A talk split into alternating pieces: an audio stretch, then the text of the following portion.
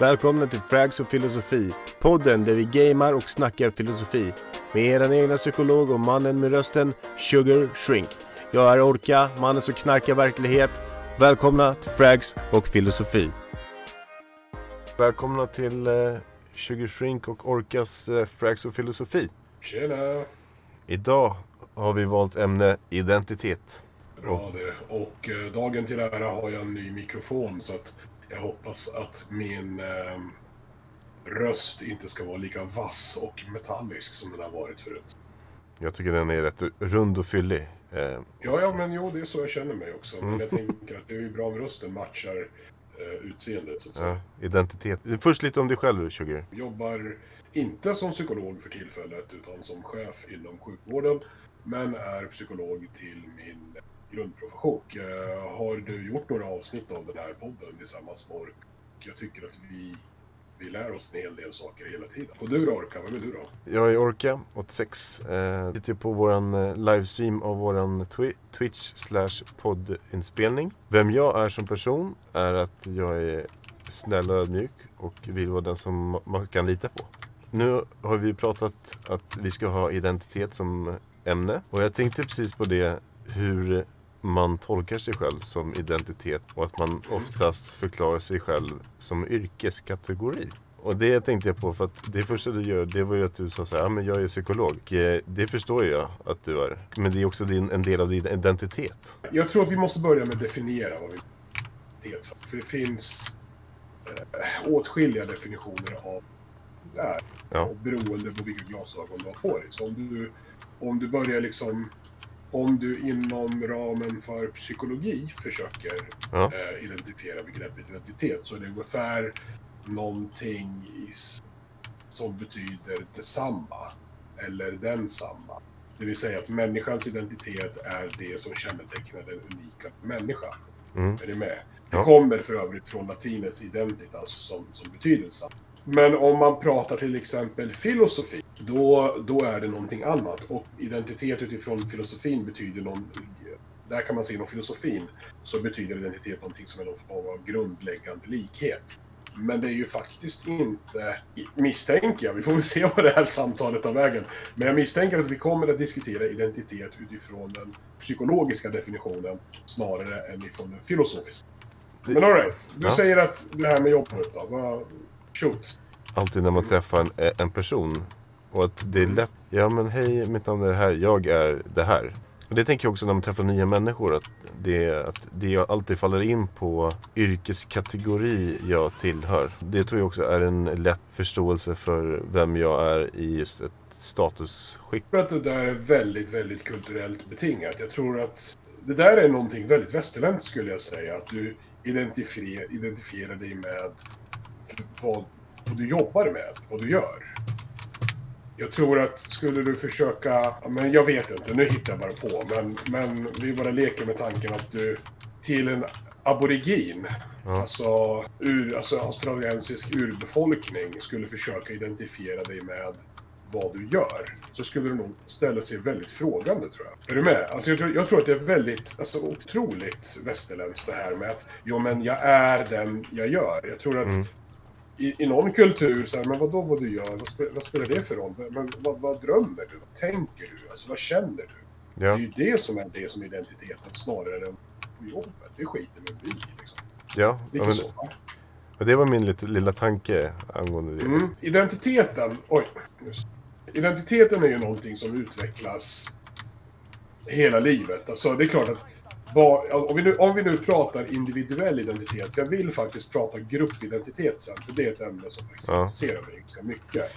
Hur Men- vi identifierar oss som grupper. Men ska vi göra så att vi lagrar ut det? Att vi, vi börjar med vad är identitet individuellt och sen byter vi till gruppidentitet. Det kan vi göra. Och på individuellt plan så är det ju egentligen den bild du har av dig själv som människa. Det vill säga det som du tycker kännetecknar dig som person och som individ. Det är Ja. egentligen det som är identiteten. Identiteten är inte någonting som är statiskt. Det vill säga, jo men du har en identitet och sen har du den av livet. Utan identiteten är någonting som hela tiden förändras beroende på vad du råkar ut för och vilka stimuli du liksom utsätts för Och stimuli är ju allt liksom från sinnesintryck till, till eh, fysiska erfarenheter, eller känslomässiga erfarenheter också för den delen. Ja. Jag tror att de flesta skulle nog kunna skriva upp på, skjuts det här någonstans? Skulle nog kunna skriva på att, jo men jag är inte samma person som när jag var tonåring till exempel. Nej. Och det är ju ett ganska bra liksom, mått på att identiteten är faktiskt någonting som förändras. Självklart då har ju, har ju barndomen en stor påverkan liksom på grundläggande, men jag skulle nog vilja säga att identitetsutvecklingen generellt, den sker nog i hopp. Liksom så här skutt, psykologiska hopp, som gör att du på sikt utvecklar en viss identitet. Och sen är det såklart då att ju äldre du blir, ja men då hinner du vara med om olika saker. Då kommer du att i högre grad vara mer statisk i din identitetsupplevelse. Ja, men, och, men, och det tänker jag på i liksom, kontra dagens samhälle. Men att det är så Ja. viktigt i vilken identitet. Just att det är så pass flytande. För att, jag menar, identitet. Jag har ju inte samma identitet som jag hade när jag var typ 11. Nej. Men, men att man ändå vill någonstans låsa sig fast sig så tidigt i, en, i den identiteten så, så tidigt. Just alltså identiteten är, vi, precis som du säger, vi tenderar att ha ganska bråttom att, att, eh, att identifiera oss. Hoppsan, titta, nu vet jag inte ens var det kommer ifrån. Och det är klart att en viss grundkärna av identiteten, det vill säga den, den individuella identiteten, den kommer alltid finnas kvar. Ja. Det jag menar, jag kan ju på ett sätt ha svårt att fatta att jag är 43 år gammal idag. Jag känner mig liksom som ingen... Jag känner mig som vilken liksom 16-17-åring som helst som jag var på den tiden. Många sätt tänker jag exakt likadant på som jag gjorde då. Ja. Men sen är det klart att det, det sker ju andra saker också. Med ens identitet. jo, men alltså, vi utvecklas ju. Ja men så är det ju. Självklart är det väl också så liksom att de värderingar vi bär med oss, de hyfsat grundläggande värderingarna, de är också en del av identitet och de blir... Och det är oftast sådana värderingar vi får till oss när vi är unga. Ja. Men, som sagt, ibland alltså, förändras värderingar, ibland är vi med om saker som faktiskt skakar om oss som människor, som förändrar oss både med avseende liksom, på våra värderingar, men också hur vi ser på oss själva, men kanske då framför allt hur vi ser på andra människor. Individuella identiteten är ju någonting som blir väldigt, väldigt viktigt, men precis som du också säger så blir det väldigt svårt att särskilja den liksom kanske från kulturell eller gruppidentitet. Alltså Ja. vilket, alltså när man är ung, liksom vilket kompisgäng man tillhör eller om man är nörden eller sportkillen eller vad man nu. Men jag tror, jag har inga belägg för det här, men jag tror också att det här med att det är så viktigt med den individuella identiteten och vem du är som individ, Mm. det är också en kulturell grej. Jag tror inte, det finns kulturer där det inte är lika viktigt. Förstår du? Det, Ja. det, det, snarare, det ska snarare kännetecknas av vilket, vilket bidrag du kan tillföra till ja, men, gruppen eller samhället. Då, då kommer vi in i, i gruppidentiteten rätt omgående. Jag tror att det här, de här ident- identiteterna går hand i hand. Eh, och att identiteter går liksom i, i ett mode. Att, alltså, vem är jag vill tillhöra eh, nu? Det kanske man inte gör medvetet men det är för att samhället trycker på att jag ska vara så här och då måste jag på något sätt mönstra mig på det sättet. En identitet, min eller jaget som identitet. Jag försöker dela på grupp och jag-identitet. Jag är helt säker på att det till 100% att det självklart finner sig kopplingar ihop. Det är någonting som vi kommer att prata om, om snart. Jag tror också att det är så viktigt i dagens samhälle att verkligen få vara sig själv också. Eh, och det har nog varit det i alla tider, i, sedan tidens begynnelse. Men Jag, upplever du att det finns forum eller omständigheter där man inte riktigt har fokus på det individuella, eller? jag tror att absolut att, vi, att det finns i dagens samhälle, i vår västerländska kultur, att vi har utrymme för att uttrycka vem jag är. Jag ser inte det som ett, ett problem. Alltså jag menar, ska vi gå tillbaka 20 år så var det inte okej att vara homosexuell. Då var det jättekonstigt. Det är kanske en, det är en sexuell läggning men det är också en del av din identitet på något sätt. Ja, ja, gud ja. Så är det såklart. Att, Eh. att läggning är en del av identiteten, Ja. Men och det, och det tolkas ju på olika sätt ur olika tider på något sätt. Och jag tror att i dagens samhälle så tror jag att det är väldigt fritt att kunna uttrycka sig på, känna hur, vem man är och hur man är. Så är det. Men jag tror också att det det... finns också en uppfattning om att, att man också ska på något sätt omfamna människors olika identitetsuttryck. Så, Yes. så, det kan jag tycka är som en oskriven regel. Att det är ganska självklart att om du vill uttrycka att du är den och den personen eller jag är, jag är den här som tycker om den av samma kön eller Ja. vad det nu är, så, ska det, så finns det också en, en uttalad norm i samhället om att det är faktiskt också jag tänker så här, jag kan köpa resonemanget om att du anser att vi kanske är för snabba med att identifiera oss själva. Alltså som, när vi, ja, men som jag sa här, jo jag är psykolog. Jag tror och hoppas att de flesta förstår att det är en grav förenkling av vem jag är. Alltså, jag tror att, och, och att det är som en så här socialt accepterad förenkling där vi liksom kommer överens om i vår sociala, kulturella kontext att det är okej att säga sådana saker utan att man förstår att ja, men psykolog, det är allt jag är. Eller rörmokare eller vad. Delvis så skulle jag säga att det här med att man identifierar sig liksom via sitt yrke, det är en bra, ett bra sätt att påbörja en konversation för det första. Alltså, du vet på en fest så här, ja vad gör du för någonting då? Mm. Lite grann för att man ska hitta, man ska hitta liksom en gemensam nämnare att börja prata om. Så att jag tror att vi- man ska nog inte läsa in för mycket i att, i att jo men jag betraktar mig enbart som psykolog och inget annat. Okej, nu fick vi lite problem här va. Om vi pratar gruppidentitet. Mm. Så kan man istället så fråga sig, men varför, eller för det första, vad är gruppidentitet? Jo, gruppidentitet det är en känsla av samhörighet med andra. Alltså Mm. när man formar en känsla av, av att vi är vi. Det Lite finns det vill ett- säga... KASAM. Ja, precis. G- eh, Precis, på gruppnivå en sorts känsla av sammanhang. Mm. Eh, I, I den meningen att den här gruppkänslan och gruppidentiteten också bidrar med någon form av struktur och ramverk Mm. till hur vi ska förhålla oss till varandra. Till exempel vi i fotbollslaget, eller vi klass 6B, eller vi norrbottningar, vilket förvisso är en väldigt stor grupp då, kanske därmed ett dåligt exempel. Eh, eller vi som bor på Söder, eller och så vidare. och så vidare. Mm. Det finns ju, här är ett område som det finns enormt. Framförallt så har man forskat väldigt mycket liksom på och försökt förklara det som händer i en grupp, i en grupps dynamik, alltså gruppprocesser som man kallar det, eller grupppsykologi. Ehm, det finns Susan Whelan bland annat och det finns väldigt många olika. Aston har forskat mycket på det här med grupppsykologi. Och där är det ju så att det finns ju såklart många effekter av att man har en stark gruppidentitet. Att det Mm. skapar ju en känsla av den här, det här faktumet att vi betraktar oss som ett vi, det gör ju att man investerar mer i gruppkänslan och gruppidentiteten. Och därmed så kan man också öka sin arbetsinsats. Hela syftet med att ingå i en grupp är ju lite grann eh, det som är att vi är flockmänniskor. Det vill säga, man kan hjälpas åt i en grupp, det, det minskar arbetsbördan. Därför att vi kan dela upp arbetsbördan, vi kan dela upp ansvaret, vi kan få tröst i en grupp om vi är ledsna. Det är ju så viktigt att just ha en grupptillhörighet. Vi föds in i en familj. Det är så Man brukar Det är en säga, grupp, Ja. precis, det är en gruppidentitet, jajamensan. men just att man är så här äh, ensam är stark. Ja, inte alla gånger alltså. Nej.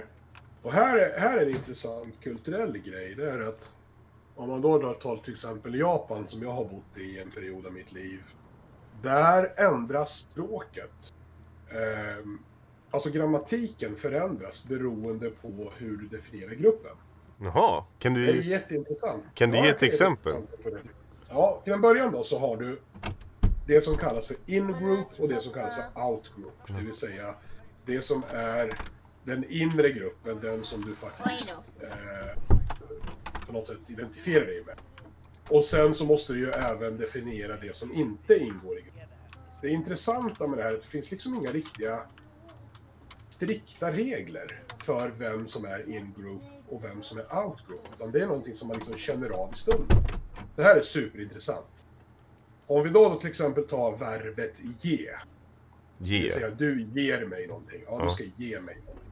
Så heter det på japanska i sin grundform ageru. Typ orka agete mig någonting. Mm. Agete är en böjning av verbet ageru.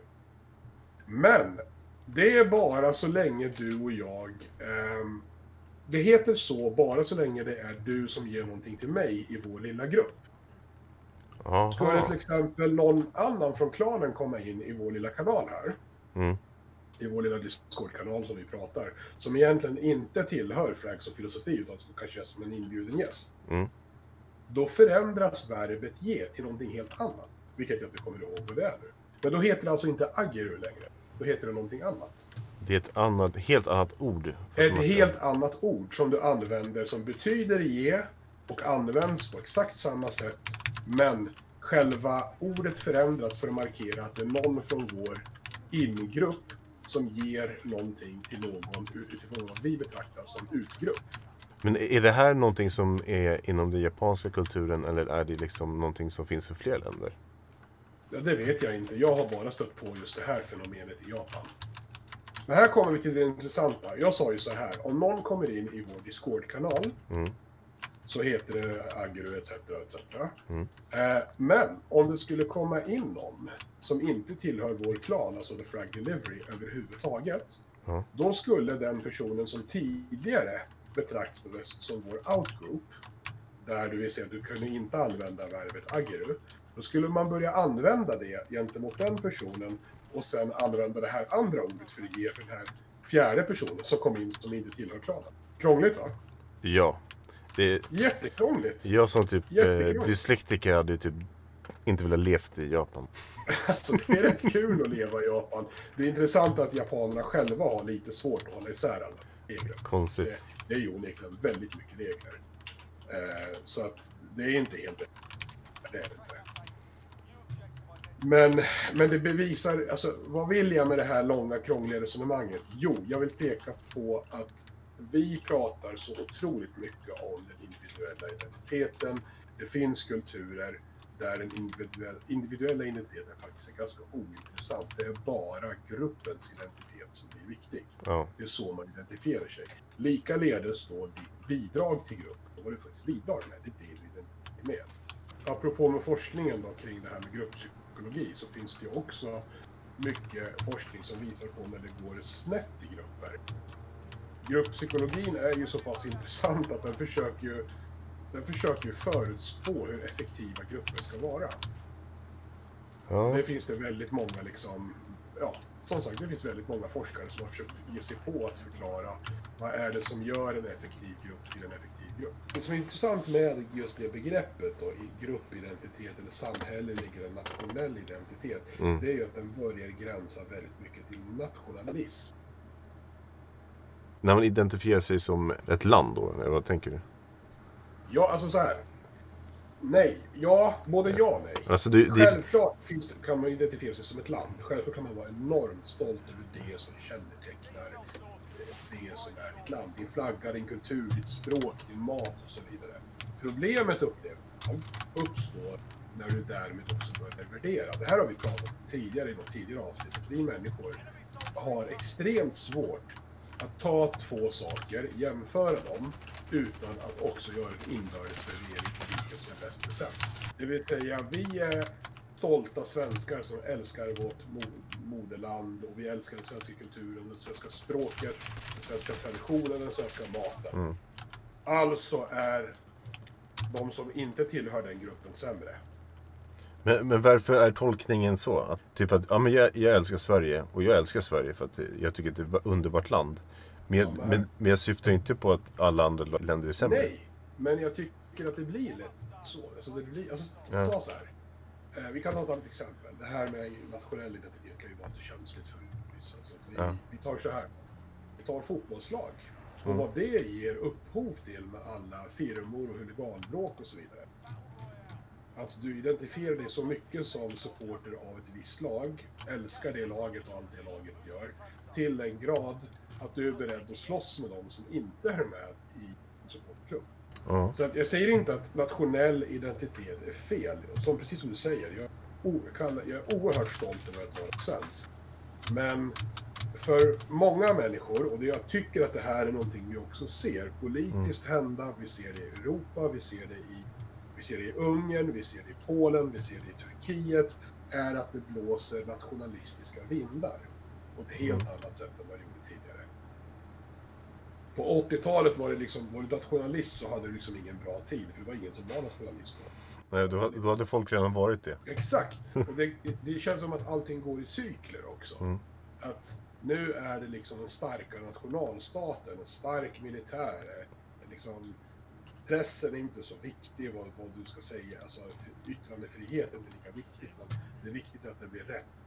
Jag tror det är många som landar. Summa summarum, det är väl ett ganska krångligt... Det är väl ganska krångligt generellt liksom vad som är identitet och så vidare. Ja, så Jag- någonstans förespråkar som en huvudbudskap, det är att ja, ha din identitet, var stolt över den. Men låt den inte för den skull på något sätt innebära att du tycker andra är sämre. Där pratar vi om just den filosofiska tanken att jag, att jag, jag ser mig själv men jag ser andra. Ja, nej men just toleransen att ja, vi behöver den i dagens samhälle fast det kan vara väldigt svårt att tolerera någon annans tycke eller tankegångar men, men det, är liksom, det är ju det det handlar om. Det är, det är det som är tolerans liksom. Eller så när vi, som vi pratade om förra tillfället, eller förra avsnittet var ju när vi snackade om det här med stöd, att du har liksom en åsikt som är så pass stark att du inte kan acceptera att det finns fakta som motsäger din åsikt. Nej, ja, är irriterad. vi kör lite vad vi, vad vi är lite mer, mindre filosofi i eget tycke. Ja, exakt. Men någonstans det jag, det jag skulle vilja på något sätt, jag tycker att det här är en viktig poäng att få fram, är att oavsett om vi pratar om individuell Mm. gruppidentitet eller samhällelig identitet, alltså någon sorts nationell ståndpunkt, så är det viktigt att det som avgränsar identiteten, för det, om man tänker sig identiteten, oavsett vilken nivå vi än pratar om, som en sorts yttre ramverk. Ja. Det är det som är allt som finns inom de här ramarna, allt som finns inom, innanför de här gränserna, det är det som är identiteten. Det vill säga det som är jag, det som är vi, det som är vårt land och så vidare. Mm. Det finns inom ramarna inom. Är att de gränserna, de måste vara tillräckligt starka för att kunna ge en känsla av kanske då lojalitet, stabilitet, trygghet. Mm. Eller en vilja att liksom anstränga sig för det som är Men gränserna får inte vara för starka så att inga nya influenser kommer in.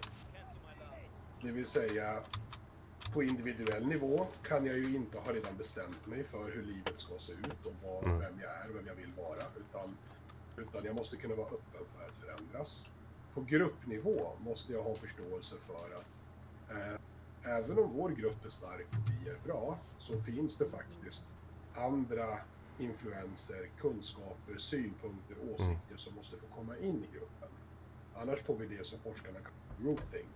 Groupthink är superkul fenomen som också kan få ganska ödesdigra konsekvenser, för det kan vi ta.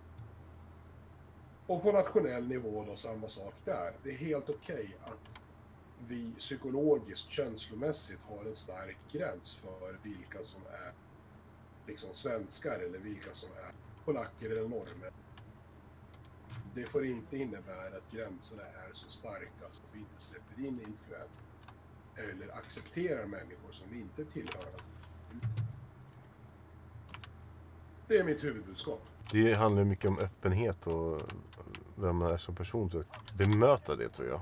Är man stark i sig själv, nu låter det som att man är värsta självsäker, men är du stark i dig själv och kan be- bemöta olika teorier och filosofiska tankar så kommer det gynna en person som tänker fritt, en, en person som är låst. Och framförallt bidra till utveckling, tänker jag. Ja, om jag säger mitt tycke. Jag vill liksom att man ska verkligen vara försiktig med att trycka på vem är jag? För att det är så flexibelt. Du kommer liksom ändra dig och identifiera dig som olika saker hela ditt liv. Alltså nu pratar jag till, till dig som lyssnar. Och om det här var jag tror, det kan vara helt fel och eh, du kanske inte håller med alls och då kan man gärna kommentera tillbaka. Men jag tror att man ska vara försiktig med att påtrycka sig själv att jag är det här medan alltså, kort tid efter kan det ändras helt. Och att man som människa behöver bli Ja men precis. Det är lite av en samhällsfråga idag att man, att man ska bestämma tidigt vem man är. Och jag är inte riktigt säker på om jag vet vem jag är än idag. Liksom. Det kanske ändrar sig till eh, nästa gång vi pratar. Då kanske jag är någon annan person. Alltså jag kanske har några andra, liksom, jag har några andra, en annan värdegrund. Jag kanske träffar en person som har fått mig att tänka på andra sätt. Då har ju liksom min världsbild skiftat och jag, jag tänker olika. Då har jag ju ändrat identitet. Inte jättemycket, men jag kommer ändå ändrat mig under det stora hela. Jag vet inte om det är... det, inte, det är inte samma vatten som rinner under en bro. Men det är fortfarande samma å. Precis. Jag vet inte om det låter väldigt spejsat och galet, men vill säga att, att man ska vara ödmjuk med sig själv och inte bli för hård heller. Liksom. Kloka ord. Jag skriver under på dem till 100 procent. Ja, Alright. Och därmed så tycker jag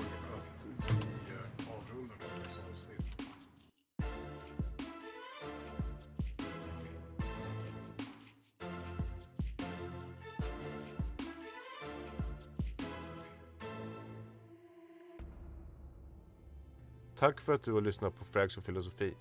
Dessa avsnitt spelas in live på Twitch.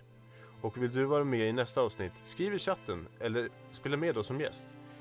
Vill du lyssna på fler avsnitt så finns vi på Spotify och på Tyresö närradio. Länk finns nedan. Tack för att du har lyssnat.